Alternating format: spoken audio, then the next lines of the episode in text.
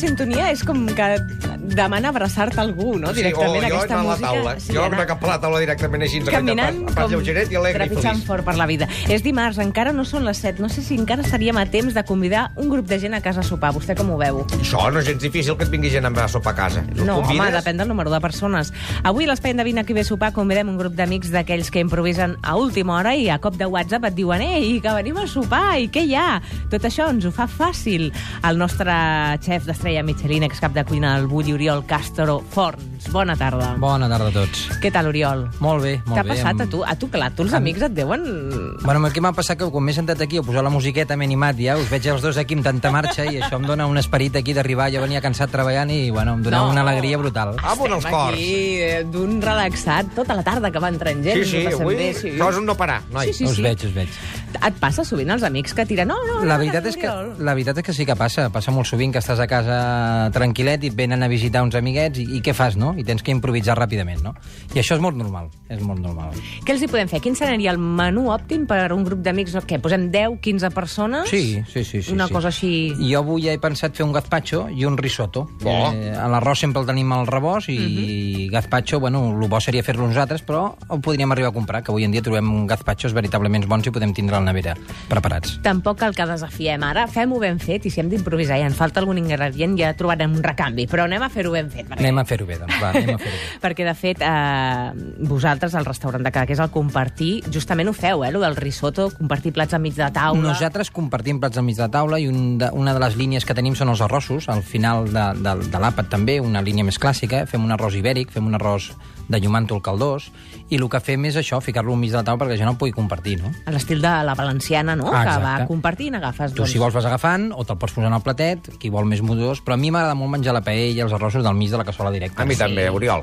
Jo estic amb tu amb això. Em a mi dona, em m'agrada dona un l'enganxat. gustet diferent. Sí, Sí, l'enganxat senyor. és incomparable. Jo sempre espero que tothom serveixi, vaig l'última... Sí, sí, Soc ja. arraet. Aquest socarraet, aquests Sí. valencians, aquest, això és molt bo, eh? Necessitem alguna maquinària imprescindible per fer això? Bueno, ara hem ficat, eh, avui he pensat de ficar una coctelera, no? per donar un toc divertit. No? Quan estiguem amb els amiguets, doncs, amb el gazpacho aquest, doncs, podrà venir el joc de màgia de fer com un còctel que te'l del batin i te'l serveixin, no? una miqueta per fer el cachondeo. No? Així amb un got, per tant el serviríem en got. Exacte, el servirem amb un got. Mm. Ah, Eh? Ah, Mm, A més, així, en brutes menys plats i a l'hora de... Amb brutalment prat de és més pràctic i, i tens aquí la diversió que el senyor Torà pot començar Exacte. a fer la coctelera com si fos aquí un Mambo! cocteler.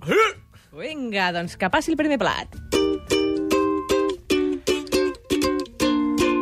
Per primer farem aquest gazpacho perquè cal que reposi a fi, sobretot temperatura fresca a la nevera. Per Ah. tant, només arribant a cop de WhatsApp l'hem de fer. Exa- Exacte. El que faríem seria doncs, fer un gazpacho tradicional, vale? amb tomàquets, eh, un dos quilos de tomàquets, ceba tendra, el detall que seria la ceba tendra perquè a la gent que no li agradi re, que et repeteixi la ceba, el que faríem seria blanquejar-la. Ficar en una cassola aquesta ceba tendra partida per la meitat i la faríem arrencar un bull i en seguida la trauríem perquè perdés aquesta fortor. Vale? Ah, carai. Després posaríem gram, eh, alls, 30 grams d'all, vale? i també faríem el mateix procediment. Els tallaríem per la meitat, li trauríem la part del, de dintre del nervi Sí. sí. que en diem, el brot, Sí. sí. i el faríem blanquejar també. Una cassola amb aigua i farem bullir, el trauríem i el refredaríem. I no en repetiria.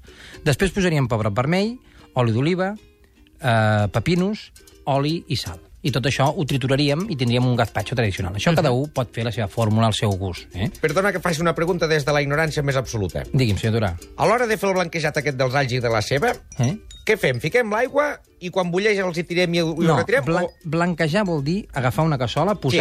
aigua freda, Sí. ficar el producte, que sigui Sí. sí. alls o la ceba, Sí. sí. i ens ho posarem al foc i Al ho farem foc. bullir Perfecte. lentament. I això en diem blanquejar. Perfecte. I això ho trauríem. eh? Oído, cocina. I així perdíem aquesta furtor de tots els productes. Perfecte. Un detall que no us he dit, que el pepino, també anem a dir un altre secretet, que el pepino el que faríem seria pelar-lo, Sí. sí. el tallaríem per la meitat i li posaríem sal per purgar-lo. Vale? I trauré, també trauríem una miqueta el que es repeteix del pepino. Ah. El deixaríem purgant 10 minuts, trauria l'aigua, veuríeu que sua, aquest pepino, i després el, el re- passaríeu per aigua i el netejaríeu. I per pelar-lo hi ha algun secret? Perquè és un no, amb rotllo. un pelador normal. Un pelador amb normal. un pelador de patates i pim-pam. Això Ah, Gran- però gran com que invent. hi ha aquells racons, no?, que a vegades costa una mica. bueno, però no. Bé, bé. Això, ah, perdona, t'he dit, què t'he dit, el pepino, jo? El sí. pepino, eh? Ah, el cogombre. El cogombre. El cogombre, Ah, ah, el cogombre d'acord, no té clar, tants jo- racons. clar, clar. Tu devies estar pensant en el pebrot vermell. Ah, estava pensant en el pebrot home, vermell, sí, sí, sí. Ara m'has m'has deixat Com aquí. podem... S'ha de pelar el pebrot vermell El o no? Ah. pebrot vermell no. No cal. Eh? Bueno, I això el que farem serà, ho posarem tot junt, ho triturarem, i això el correcte seria deixar-ho reposar un cop triturat perquè deixi, deixés tots els aromes. Vale? I després ho tornaríem a triturar al Mhm. cap de dues hores i ho passaríem per un colador. A nosaltres personalment ens agrada el gazpacho bastant lleugeret, que no tingui la polpa. Mhm. Vale? Hi ha gent que li agrada més polpós, en aquest cas a nosaltres no. Vale? Hi ha algú que et diria, i no hi poses pa? Ah, exacte, podríem posar-hi donar un pa- una miqueta de pa per donar textura, mm -hmm. Mhm. vale? però també a l'emulsionar-ho amb, el- amb l'oli ens donaria la textura més, més melosa, eh? untuosa. I després el que faríem seria donar-li el toc diferent, que ficaríem fruits vermells. Ah. Vale? I el que faríem seria, per 300 grams d'aquest gazpacho tradicional que tindríem fet, vale? li posaríem 100 grams de fruits vermells. Déu-n'hi-do, que podrien una ser... bona proporció. Ah, Exacte, en aquest cas podríem ficar-ho cireres, podríem ficar maduixots, o podríem ficar inclús eh, gers, mm. o una barreja. I això tot ho, tri- ho trituraríeu i tindríeu un gazpacho de fruits vermells. Una Bo. mica més dolcet, no? Fins Més i tot. dolcet, amb un punt àcid, la veritat que és molt bo. La meva mare li vaig fer un dia i la dona es va quedar... Va dir, carai, això és bo, eh? No s'ho pensava pas, no? I això és una recepta que feia un cuiner, el Dani García de, de, de, de, la, de, de, de, del sur, Mhm. i era un plat d'aquests tradicionals que feia amb un, amb un pol gelat de formatge fresc. Oh, que bo. Eh? Nosaltres el que fèiem a compartir, el primer any era molt divertit, fèiem en aquest gazpacho, el fèiem sense maduixots, però el que fèiem seria retirar una part i li barrejàvem amb maionesa. I llavors el que fèiem era posar-ho en un sifon. I teníem una espuma de gazpacho. I podíem fer com un cappuccino. I ficàvem amb, un, amb una tassa, això és una altra recepta, eh? Ah. Sí. sí. ja que fem el gazpacho perquè ho sapigueu. I ficàvem una tassa el gazpacho líquid a sota i per una altra banda ficàvem l'espuma. I teníem un cappuccino de gazpacho. Que I era bé. molt bo perquè donaven dues textures boníssimes, brutals. Oi, la Eh? veritat és que... I si no tenim temps de fer aquest gazpacho i se'ns presenten els amics a casa, tens una alternativa, Oriol? Aquí l'alternativa era el tetravic de la nevera, un bon gazpacho comprat, que avui en dia en tenim, i en 5 minuts teniu un gazpacho amb maduixots o maduixa o cireres boníssim. Clar, el podem customitzar, no?, per entendre'ns, el, Exacte. el tradicional que hem comprat, Exacte. li posem les cireres o els maduixots i tenim una miqueta maquejat i, pots fins i tot marcar-te el punt de que l'has fet tu. I el camufles i pots aquí pagar-te el pego i dir, mira, en 5 minuts he fet un gazpacho brutal. Cap problema, xiquets. I Digue'm també algun- podríeu fer sí, un truc, sí. sí. seria agafar uns glaçons, com que el, per fer-ho a la, cubi, a la cubitera, a la coctelera, no? podríeu agafar uns glaçons i quan els congeleu el dia abans li poseu unes fulles d'alfàbrega, amb una glaçonera li poseu aigua i, i fulles d'alfàbrega. Ah. I això ho congeleu i tindreu un glaçó amb fulles d'alfàbrega dintre. Que I quan bonic. vinguin els amics, que això ho podeu tindre sempre fet al congelador, quan vinguin els amics amb la coctelera, doncs els hi poseu aquests glaçons d'alfàbrega, el suc de gazpacho i a remenar i a servir. Bona idea. No hi ha res com tenir imaginació i no tenir prejudicis i deixar-se portar, no? Ah, exacte. La veritat Ah, exacte. és que... Vinga, anem pel segon plat.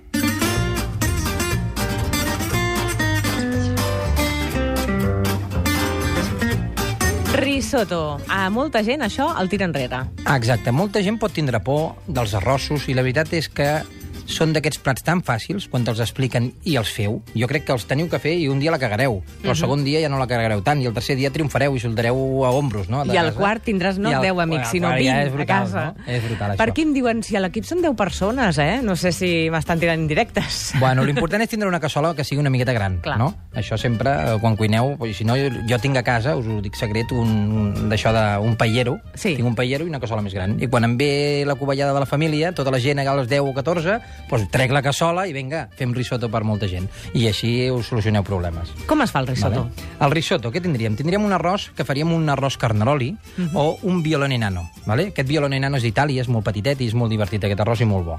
El carneroli el podem trobar d'aquí a la terra, també. Eh? Per, això és el tipus d'arròs, oi? El tipus d'arròs. Va, Eh? D'acord. Jo vaig explicant ràpid i vaig per feina, tu em vas puntualitzant, Mireia, No, no, i no, així és que fem ara un tàndem. pensava, ara no sé ben bé això què és. Jo. Pues el carneroli és l'arròs, vale? el Va. que ficaríem seria uns 70 o 80 grams d'arròs per persona. Vale? Per altra banda, tindríem ceba, que seria per fondejar amb mantega o oli, i doncs amb una cassola ficaríem aquesta ceba picadeta Mhm. i la començaríem a fondejar. Fondejar vol dir que es fongui la mantega i a suar, vale? Mhm. que quedi tendra, fins que quedi toveta. Després ficaríem l'arròs, el remenaríem una mica i li- el rostiríem una miqueta, que diem, vale? però molt poc pel risotto. I després el que faríem seria anar afegint un caldo d'aquests que heu fet lentament, de pollastre, gallina, que el podríeu comprar també, com el del gazpacho. gazpacho. I el aniríem tirant a poc a poc i el aniríem mullant perquè vagi xupant. Vale? Nosaltres poc. ho fem això diverses vegades pel risotto, això és molt important. Anar tirant doncs 250 grams i aneu que vagi absorbint aquest arròs al, al caldo. Ho pots fer una mica a ull, per tant, no? Perquè si Exacte. anar absorbint, vas posant Normalment i podem rectificant. ficar pues, un litro i mig de, de caldo per uns 280 grams d'arròs. Molt Mhm. Però de, això depèn la, pot- la potència del foc, també. Vale? I això es anirà evaporant i ho aneu fent, pam, pam, pam, fins que quedi cuit aquest arròs. Vale? Aquest procés pot durar doncs, uns 15 minuts, el temps de que estigui cuit aquest arròs. Després, al final, té que quedar una miqueta caldoset, no Mhm. té que quedar sec aquest arròs, vale? I el que farem serà donar-li el toc final del risotto, que afegiríem parmesà ratllat. Vale? Afegiríem parmesà ratllat i després el toc final, que seria unes gotes d'oli de tartufo. Vale? Aquest oli de tartufo que el podeu comprar a qualsevol tenda gourmet, vale? en aquest cas tendes una miqueta més, més curioses, vale? especialitzades, i demaneu oli de tartufo. Uh Mhm. -huh. vale? És un oli molt aromàtic, sembla de gas, però és molt personal i és molt aromàtic. Vale? I és, Et fa quedar és bé, brutal. vaja, Et fa és dels que quedar és d'aquest que podeu tindre al rebost, sempre en una ampolleta i li fiqueu dos, dos tocs d'aquest oli, dos gotetes i quedareu de primera. I un cop ja l'hem fet el risotto aquest amb el, amb el parmesà, a l'oli de tartufo, l'acabaríem en el plat amb una miqueta de trufa d'estiu ratllada per sobre. Uh -huh. eh? Aquesta trufa d'estiu, que és de temporada, ara fins al 15 d'agost s'ha tancat la veda el 15 d'agost, però les podeu comprar. Encara en podem trobar. Uh -huh. eh? I un truquet divertit també és que al final, un cop teniu cuit el risotto, li podeu ficar unes gotes de llimona, Ah. vale? perquè li doni un frescor. Això ho fa una amiga Això ho meva. fa poca gent. Això ho fa una amiga Sí? meva que és valenciana, sí. Vos, això ens ho van ensenyar a Itàlia, a nosaltres. Uh -huh. I li Un- posa sempre llimona a l'arròs, sempre. Pues unes gotetes, però quan l'esteu coent, eh? Això és el truco que faltava al final per explicar-vos. Eh? I mm, si, per exemple, no tenim aquestes tafones d'estiu, amb què ho podem substituir? Bueno, en aquest cas el- l'oli de tartufo sempre el podeu tindre al rebost, vale? la tòfona és la que no tindreu, i en aquest cas ara, com hi ha ceps, podríeu ficar unes làmines de cep fresc molt laminadetes sobre, un cop surti el risotto ben calentó, vale? i s'acabaran de coure. I hi ha una versió d'hivern d'aquest risotto, per si els amics venen a l'hivern? D'hivern doncs, no tindrem l'oli de tartufo, tindrem oli de tòfona negra. eh? De cara del mes de gener, febrer i març, que tenim la tròfona negra, doncs faríem això. Faríem un oli el mateix, substituint l'oli de tartufo per trufa negra i unes làmines de, de trufa negra. Com un que a, senyor. vegades, a vegades podem dir que la trufa negra és molt cara, però la proporció que posarem en un arròs no és tan cara Duro. Et i ens dona un condeix, gran resultat. Et condeix, et condeix. Ah, exacte. I per postres què? Què hem de fer per postres? Home, jo crec que algú molt fresquet, no, senyor Tarà? Faríem una bandejeta de fruita, no?, que podem tindre tallada, a la nevera ben freda, i li podria donar a vostè aquest toc divertit que Sí. té el taxi, aquests caramels halls, no?, que Sí. porta vostè sempre. Sí. Doncs una miqueta de caramel halls matxacats per sobre aquesta fruita Carai. i unes folletes Coca, de no. fruita, De d'herba menta fresca. natural. Menta, alfàbrega, que tenim avui en dia molt bones. Me'n vaig entusiasmat amb aquest menú. Quedarem molt bé avui, eh? Gaspatxo, risotto i fruita. M'encanta. eh? Oriol Castro, em trec el barret, de debò. Quedaré molt bé davant dels meus amics. Això proveu perquè el anireu fent cada dia, aquest risotto. Per cert, abans de marxar, com sempre, per regalar la cistella Cap Bravo, necessito que em diguis un número de l'1 al 10. Doncs el dos. La Carme, la Carme que ens ha trucat per telèfon, crec. Per tant, és la que s'emporta la cistella Cap Bravo d'avui. Nosaltres marxem la setmana que ve més. Moltíssimes gràcies. A vosaltres.